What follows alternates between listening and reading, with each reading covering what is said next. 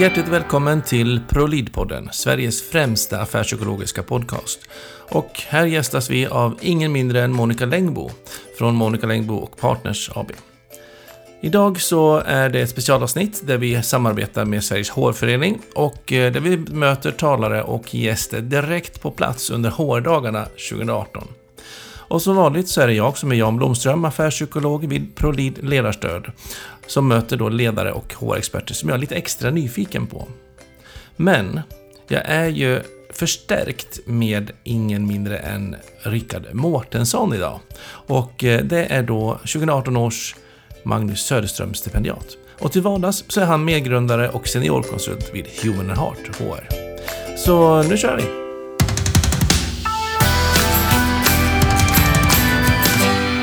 Hjärtligt välkommen till ProLead-podden säger jag till Monica Längbo. Tack så mycket, roligt att vara här. Just jag kommer från scenen här på Skandia, Skandia-scenen. Ja. Och um, du har pratat lite grann om det här med Ja, vad har du pratat om? Kan du berätta lite? Jag har pratat om eh, dels vilket, vilket eh, ledarskap som behövs på morgondagens arbetsmarknad. Ja. Jag har också pratat om vikten av det ständiga lärandet. Eh, pratat om i den kontexten om, om learnability. Eh, och också eh, HRs roll i det här. I, I allt som jag anser att HRs funktion, eh, jag sa på scenen och det står jag verkligen för, att HRs glansdagar är nu. För eh, nästan alla eh, faktiskt de vad jag, ämnena eller områdena som ska ligga högt på eh, ledningsgrupper, företagares eh, agenda är ju väldigt mycket HR. Ja. Jag och Rickard spelade in ett avsnitt idag på, tidigare, Ja. själva. Och eh, då sa vi att glansdagarna ligger framför oss. Där! Men det var roligt det här med ledarskap, tänker jag. Va, va, hur ska man vara som chef nu? Vad är det viktiga? Ja, framför allt, alltså jag anser, eh, alltså det, dels är det så här att det är oerhört viktigt att coacha. Och det har alltid varit. Ett coachande eh, förhållningssätt. Men det är ännu viktigare att plocka, plocka fram eh, de förmågorna. För det handlar just om i ledarskap, som jag ser det, så handlar det om att att kommunicera alla människors värde eh, och potential så tydligt så att de ser det i sig själva. Eh, och ledarskap handlar ju väldigt mycket om att låta sig påverkas. Och påverka gör man ju bara om, alltså om man har tillit. Så därför bygger det ju också väldigt mycket på tillit. Eh, för det handlar ju om att vi måste gå åt, eh, med, med entusiasm och beslutsam mot, mot gemensamma mål. Eh, och i rätt riktning. Och i den här föränderliga världen som vi lever i som kantas av eh, digitalisering och automatisering. Så. Så det låter mycket som att man behöver ta mycket armkrok med sina medarbetare. Absolut. Man behöver också eh, jobba, alltså, jag skulle säga vi lever ju i, en, i ett nätverkssamhälle. Det tror jag alla håller med om. Men i det här nätverkandet, för det är en sak att nätverka, men jag skulle säga att nu handlar det väldigt mycket om samarbete. Och samarbete framförallt också eh, alltså, över gränser i ett företag eller en organisation eller stat, kommun. Får jag säga en sak? Ja. jag en sak där? Jag Ja. tänker så här. För att göra det lite tydligare. Hur kan man inte vara som chef för att klara sig idag? Hur ska man inte vara?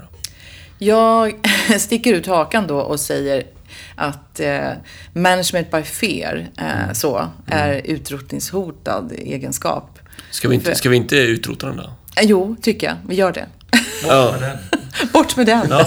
Ja, för, för det hämmar ju och skapar rädsla. Eh, och just rädsla många gånger för att misslyckas. Och för att skapa innovationskultur som är så viktigt också så behöver vi faktiskt eh, få misslyckas ibland. Få prova, testa och göra om och göra rätt. ja för det du pratar om nu är intressant. Jag möter väldigt många människor som är så oerhört rädda för att göra fel. Ja, Så man, man blir rädd till den grad att man till slut börjar dölja sina fel. ja.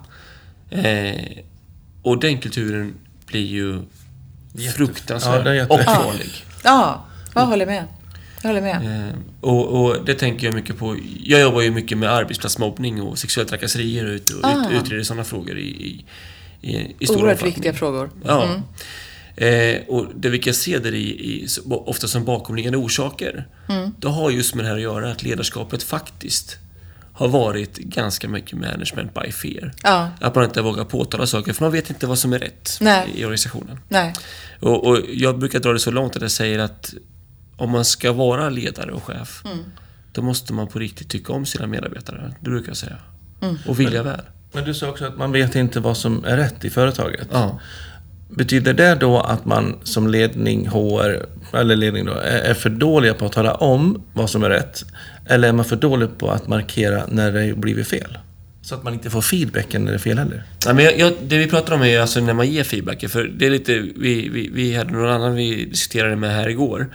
Eh, och det finns en tendens i att å andra sidan för management på fear så finns ju den här eh, laissez-faire istället. Ja. Det vill säga att man går hela vägen, man, man, man får göra vad som helst och helt plötsligt så rinner bägaren över för den här chefen som inte har sagt någonting. Och, och, och då blir det en tokreaktion istället. Det är, vilket- som ingen kan förstå och ingen kan begripa och den hänger inte med i sammanhanget. Vilket gör att, att, att eh, organisationen inte förstår reaktionen. Eh, och där är ju du inne jag mycket på att prata om att vi behöver ha de här, vad kallar du det? Små samtalen och... och Ja, lite allvarssamtal. ja, ja, De har vi- ma- markerat att nu är vi lite officiellt sura. Det där du gjorde var inte okej. In på banan igen. ja. Färdigt. Två, två tre minuter. Och inte gå in i förhandling. Och jag vill inte höra argumenten till varför du gjorde det. Det kan vi ta ett nytt möte om och prata om förutsättningar. Men jag tänker lite grann också när du pratar om vikten av att samarbeta. För, för jag jobbar som affärspsykolog och det intryck jag får det är ju att man många gånger vill skapa det här goda samarbetet och man ska samverka och sånt där. Men det blir någonstans ett, ett val att om ni vill och, och liksom alla korten ligger rätt, ja men då blir vi att samarbeta. Eh, Men hur ser du på, på det kontra att man faktiskt lägger in det i det här är faktiskt din arbetsuppgift? Du har lön för att samarbeta. Och om man inte samarbetar så blir det typ nästan löneavdrag, det får man kanske inte säga, men ändå. Så att man i alla fall kan styra det till lönekriterier. Den som alltså samarbetar bra får bättre löneutveckling. Mm. Jag tror att det är en god idé. Eh, för många gånger har vi ju liksom belöningsincitament som kan vara liksom, diametralt styra mot ett annat håll. Alltså man kan ha bonusgrundande lön eller scorecard, all- allting annat så. Ja. Som gör att det inte främjar samarbetet. Men där kommer också då väldigt mycket ledarskapet in. Eh, just att vara modig. Att även om man jobbar i en sån kontext eh, så behöver man ändå titta liksom, på de här, alltså, att, värdet av att samarbeta. Och jag håller absolut eh, med dig i det du säger. Eh, att främja att liksom, också samarbete till exempel. Att sätta en belöning på det. För det står jag faktiskt på scenen och pratar om nu. Eh, just att HR också behöver driva eh, det arbetet att eh, titta på olika belöningsincitament som inte kanske heller bara är monetära. Nej. Utan som leder till ett resultat i framgång och som man också behöver bli bättre på alla.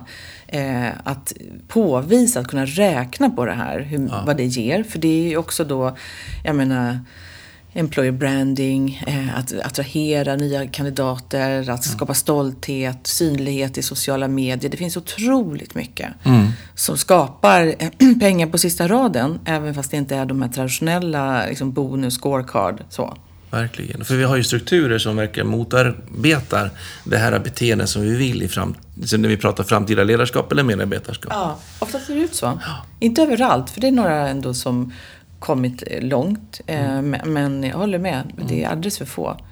Eh, Spännande. Du, jag har en liten annan spår också. Du har ju pratat mycket om det här med att vi... Det handlar inte mycket om vad vi kan, utan hur vi kan lära oss nytt information snabbt. Ja. Och då har jag och Rickard pratat lite grann kring det här, men liksom, vad, vad händer med människor när liksom vad vi än väljer och gör idag så är det ju fel imorgon. Och någonstans så blir det också en, en otrygghet, kanske då. Att liksom, vad man än gör så vet jag att det blir fel, typ imorgon. Hur skapar man ett lugn och trygghet i det, så att det blir en balanserad medarbetare? Dels kanske jag inte riktigt håller med om då att det är fel, fel imorgon. Måste jag säga. ut på den, all kunskap är av värde. Sen just det här, då den här världen vi lever i nu, alltså eh, samhället eh, och arbetsmarknaden också då, så, så går det ju väldigt fort. Och, jag tänker bara millennials eller de som går ut, eh, som, som sitter på skolbänken nu.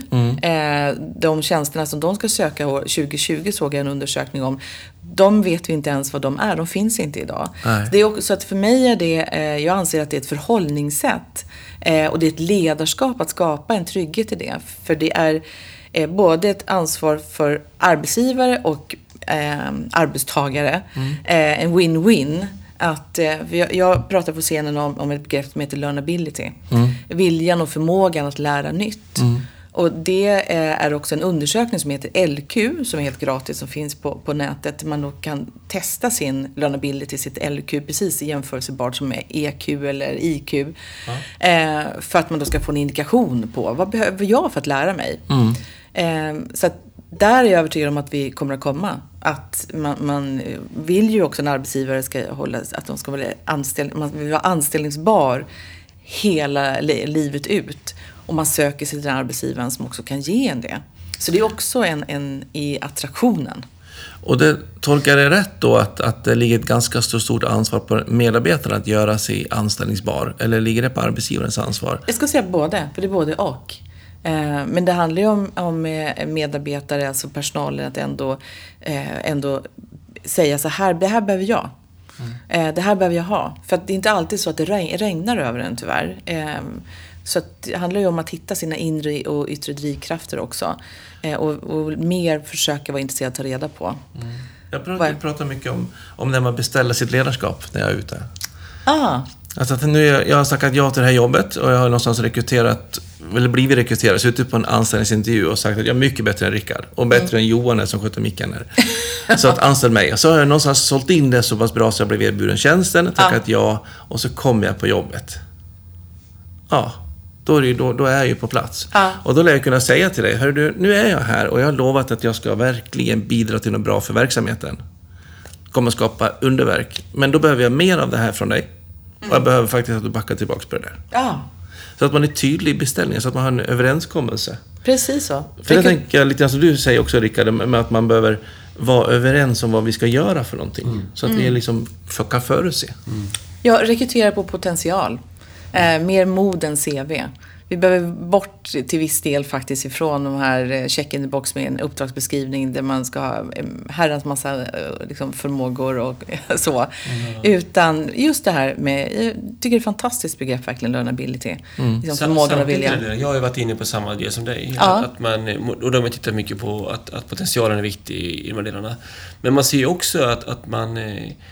Som jag har förstått rekryteringstrenderna nu så är det väldigt viktigt att också titta på att det behöver finnas en, en, en grund på riktigt. Att man har saknat det. Alltså en formell kompetens som är viktigare än, än, än någonsin i vissa delar. Absolut. Eh, och- och så kan det också vara, ja, så- definitivt. Så, jag tänker kanske att man behöver hitta mer balans i det här. Att, inte, Mm. att, att det inte blir väger åt det ena hållet eller det andra hållet. Alltså är det de personliga egenskaperna eller är det den formella kompetensen? Utan att, att vi kanske måste göra mer grundare rekryteringar på riktigt och väga in eh, både potentialen, eh, motivationen, liksom den formella kompetensen vi har med oss och, och, och kanske göra ett mer grundligt jobb. Jag vet inte vad du säger om det. Jo, men till viss del. Men, men eh, risk för att jag generaliserar nu, men, men just det här med potentialen. Det har varit ändå för mycket liksom, eh, omfattande befatt, upp, liksom, bef- eh, rekryteringsprofiler. Eh, så att vi behöver ändå hit, titta mer på potentialen, för det är så avgörande och avgörande framöver. Men absolut så finns det en grundkompetens. Det beror ju också på vilken tjänst man söker. Men det är också för att också titta på, alltså varje företag behöver också titta på vad är det för talanger vi behöver få in. Och då menar jag på att alla är talanger. Ja, eh, och ett företag ska ju i bästa fall också spegla samhället och då har vi ju personer som står utanför arbetsmarknaden och, och nyanlända och alla som har hälsan och, vill jobba längre än till 65-67 år. Så att det är så mycket kopplat till just då eh, Ja. att titta med ett annat mindset. Och där skulle jag kanske vilja ha ett annat begrepp faktiskt att få in här ledarna. För vi pratar ju mycket om att beställa kompetens och veta vad man beställer. Och kunna göra bra kravprofiler. Ja. Men jag skulle kanske vilja påstå att det viktigaste nu när vi pratar om potentialrekrytering, eh, där vi inte vet vad vi behöver idag egentligen, det är att vi måste bli bättre på att ha en mottagarkompetens i våra organisationer. Det vill säga att vi tar emot de här personerna vi tar in, för det är vi inte så bra på. Nej. Vilket gör att de slutar lika fort som de kommer, även att vi, att vi att vi är modiga i våra annonser och i våra kravprofiler eller att vi tänker nytt och annorlunda. Sen när människorna väl börjar, då är mottagarkompetensen i organisationen inte alltid så bra. Helt enig. Det stod jag på scenen också och pratade om, så jag är bara, jag, därför jag ler stort nu, för det är spot on. Ja, absolut. Och att man också måste verkligen ha en balans mellan vad vi faktiskt lever och vad vi har i våra annonser. Så att inte vi säljer in en sak och det stämmer inte i, Ja. i vardagen. Och jag tänker är ju att lägger man fokus på mottagarkompetensen, just det på att, att, att man vågar vara annorlunda, eller vad man nu tänker i för mottagarkompetens, så kommer det också bli mycket lättare att, att rekrytera, som du, som du är inne på, potentialer, rekrytera nytt, tänka annorlunda, Ja. utmana befintliga strukturer och så vidare. För Ja. vi, har vi lagt mycket fokus på mottagarkompetensen, Så det är alltså lite mindre viktigt vad vi tar in, men för det, det vi får in det får vi till att bli bra. Ja, ja. För vi Men- ger utrymme att, att de kan forma sig utifrån vad, de kompetenser som är nödvändiga om 5-10 år. Precis. Mm. Och också leva sitt, precis som du sa, alltså ett arbetsgivarlöfte utifrån employer brand. Mm. För det, det finns ju en tendens att, att ibland kan man lo, le, lova så mycket, det låter så bra i ord. Mm. Eh, och sen när man anställs så, så, det har ju absolut hänt. Eh, många, det vet jag, och det, så att eh, sen när man kommer dit så känner man men det här stämmer ju inte. Nej, och då är besvikelsen större. Eh, och den negativa effekten för arbetsgivaren blir också större med tanke på konsekvensanalyserna som blir när man pratar med vänner, familj och så vidare och sprider sig. Det är inget bra. Och där är ju sån transparens. Man måste också vara tydlig med liksom, det här kan vi erbjuda, det här sticker vi ut, det här är vårt högre värde, det här är vi stolta över, men det här behöver vi bli bättre på. Eh, så. Jag är psykolog i botten och eh, jag tänker bara det där med att våga vara, vara sig själv. Alltså alla borde gå i terapi, brukar man ju säga ibland, i alla fall inom våra lilla skrå. Ja. inte för att man har problem, utan man behöver ha koll på sig själv. Och eh, har man inte det, då blir man gärna tro att man säljer in sig som man tror att man vill. Om man ska gå på dejt eller någonting sånt där. Ja. vill man gärna visa fram sig. Och det är egentligen, våra rekryteringsannonser är ju många gånger dejten. Där vi vill visa upp en sida som faktiskt kanske inte riktigt är sann. Nej. Och då är det ganska fal, liksom falnad blick man får dagen efteråt sen. Så att eh, verkligen vara trovärdig och bottna i, så att man vet vem man är, både som individ, som då, men också som organisation. Ja. För då blir man trovärdig tror jag. Ja. Hör du, de som lyssnar nu, vad vill du skicka med som det viktigaste framtidsspanet ur HR-perspektivet, utifrån vad du har resonerat här idag? Nej, men det är de trenderna framförallt som jag har varit och pratat om nu. Alltså ledarskap, eh, kompetensbrist. Vi lever också i att rätt många kan tänka sig att arbeta på ett annat sätt än en, en traditionell tillsvidareanställning med gigjobb och så vidare. Så att vi behöver se eh, liksom, för formerna för hur eh, hur vi organiserar oss eh, eh, och gör det möjligt för den här snabba föränderliga världen vi lever i också. Och i allt det här så behöver vi få saker att hända med människor och hålla. Så det är så otroligt viktigt med kulturen. Eh, med värderingar och hållbarhet och mångfald och så. Så att jag har svårt, eh, så det jag ska säga det, eh, jag har svårt att säga bara en sak. Eh, Men det är just det här att, att eh, må bra på jobbet och ha roligt. Eh, Det är så otroligt avgörande. Tusen tack att du kom hit. Tack. Tack. Tack.